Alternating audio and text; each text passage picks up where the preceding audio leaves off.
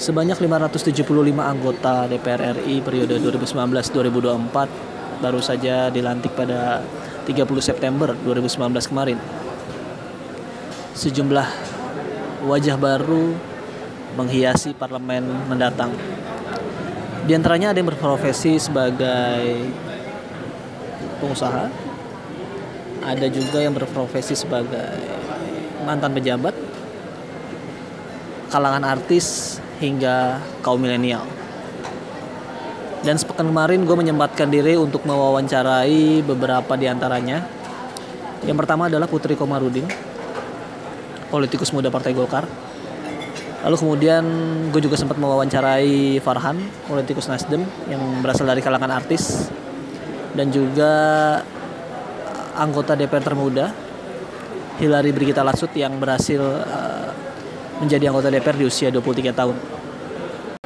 Berikut petikan wawancara gue bersama ketiga tokoh tersebut.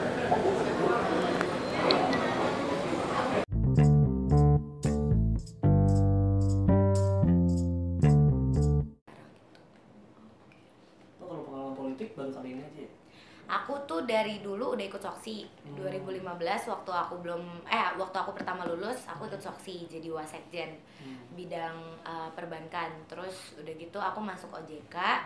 Terus aku masuk AMPI. Sejak masuk OJK terus aku masuk AMPI. Nah, di AMPI itu aku aktif uh, akhirnya setelah resign kan kalau di OJK nggak boleh masuk partai politik aku resign dari OJK masuk uh, DPP terus udah gitu nyalek gitu Itu berat nggak dari kan ninggalin kerjaan OJK terus memutuskan untuk terjun politik atau memang Dibilang- apa, didorong sama orang tua juga yang belakang belakang politik? Atau? dibilang berat sih sebenarnya sama aja ya gitu karena kan setiap pekerjaan ada resikonya cuman lebih ke perbedaan nuansa kerja kali ya kalau Hmm. OJK kan jam kerjanya fix. Iya. terus kita emang tiap hari dealing sama laporan keuangan sama orang-orang bank gitu. Udah ada strukturnya gitu. Kalau politik kan enggak segala sesuatu bisa berubah on that day gitu. Jadi paling adjustmentnya di situ aja sih gitu. Cuman karena dari dulu aku selalu dibawa sama ayah aku ke dapil terus ke kantor ke acara Golkar jadi sedikit banyak aku banyak tahu juga. Kan beliau juga selalu sharing kan tiap kita lagi di rumah atau kita lagi pergi bareng gitu dia cerita ada apa aja di kantornya gitu ya internal internal orang-orang nggak tahu tuh dia suka sharing biar anak-anaknya juga belajar Gue nggak pusing. Kebanyakan duduk dan Apa? cuman dengerin itu bikin Iya. kepala gue pusing men. Nah. Kerjaan saya tuh dari dulu duduk tuh sehari paling lama 4 jam. paling lama 4 jam. Ah, berarti Jadi nggak pernah lebih dari 4 jam. Sekarang masih duduk. Dari jam 10 pagi sampai jam 4 sore. Ini udah harus dibiasakan ya. Yang ada saya sakit kepala lihat nih. Hah? Sehari ini udah Oh, habis udah- dua. Nggak, tapi penyesuaiannya apa sih mas? Nah, Itu kan kesibukan itu. penyesuaian. Itu, jadi harus penyesuaian. harus Jadi bisa saya ini ya, biasanya fisik ya. kerjanya itu Ah. secara fisik sangat aktif gitu. Sekarang tiba-tiba jadi nggak aktif. Ya memang agak pusing jadinya. Jadi memang kalau pencalonan itu uh, kita punya bela- harus belajar baik pengalaman ya akhirnya.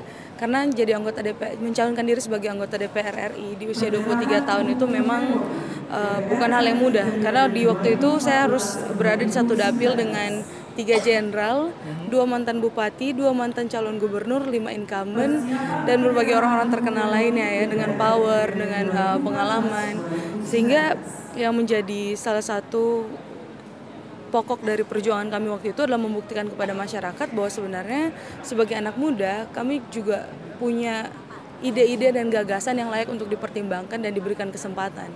Sehingga memang ya pertanyaan-pertanyaan anak 23 tahun bisa ngapain itu akhirnya boleh eh, ya setidak-tidaknya sedikit dirubah lah dari mindset masyarakat. aku kan dulu di OJK kan terus aku juga bidang studinya tuh ekonomi keuangan jadi menurut aku lebih pas aja kalau aku langsung masuk ke uh, bidang yang emang udah pernah aku tekunin gitu.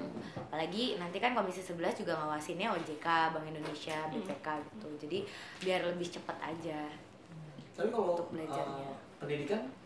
Aku bidang studinya emang ekonomi keuangan. S1 aku di Melbourne University tuh ambil Bachelor of Commerce. Majornya tuh finance sama economics gitu. Kalau Mas Farhan pengennya komisi berapa? Saya sih sebetulnya sih komisi apa aja ayo. Tapi kalau emang bisa di eh, 189 kayaknya seru. Hmm. Sesuai sama Satu delapan sembilan sebelas.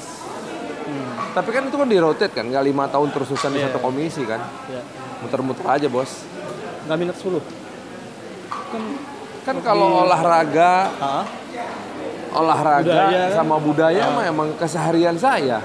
Ya. Oh jadi, Jadi mau di komisi berapapun saya pasti akan sibuk ngurusin kebudayaan sama olahraga di dapil saya minimal. pengen- kalau harapan komisi berapa sih? Uh, aku karena dari jenjang pendidikan S1, S2, S3 semuanya hukum dan mendalami pemberantasan tindak pidana korupsi. Jadi aku komisi 3 hampir pasti. Hmm. Berarti ada isu-isu yang pengen apa paling di concern gitu. Jelas. RUU KUHP dan per- uh, usulan Perpu KPK itu semuanya kan jadi bakal jadi prioritas dari Komisi 3 dalam uh, periode ke depan ya. Dan polemik yang terjadi di masyarakat juga memberikan beban tambahan sehingga itu pasti akan jadi uh, akan jadi pembahasan yang hot juga di masyarakat. Makanya memang sih menurut saya pribadi ini juga polemik yang terjadi juga karena anggota DPR periode kemarin dan mungkin dari dari apa dari pemerintah kita kesulitan mendapatkan informasi yang jelas dan teks lengkap dari RUU KUHP waktu kemarin itu. Bahkan di DPR ri.go.id itu eh, maaf ini apa ya situsnya ya situs DPR RI itu tidak ditemukan ini RUU KUHP di aplikasi DPR RI Now juga tidak ada. Down terus aplikasinya. Sehingga untuk me- untuk melakukan sosialisasi kepada masyarakat secara menyeluruh kan jadi sulit. Akhirnya masyarakat hanya ber- bertumpu dari broadcast WhatsApp dari berita-berita sosial media yang bahkan tidak tahu kadang eh, bisa aktual atau tidak ya akhirnya eh, ini harusnya jadi pelajaran buat kita kalau memang mungkin ada sosialisasi yang menyeluruh kepada masyarakat sebenarnya polemik ini tidak boleh terjadi jadi itu yang ke depannya jadi pelajaran buat kami juga. Ya itu tadi pandangan mereka para penghuni baru Senayan periode 2014-2024. Dan selanjutnya kita patut tunggu nih karya dan kiprah mereka serta ratusan wajah baru lainnya selama lima tahun mendatang. Kira-kira nih bakal lebih baik atau sama aja ya?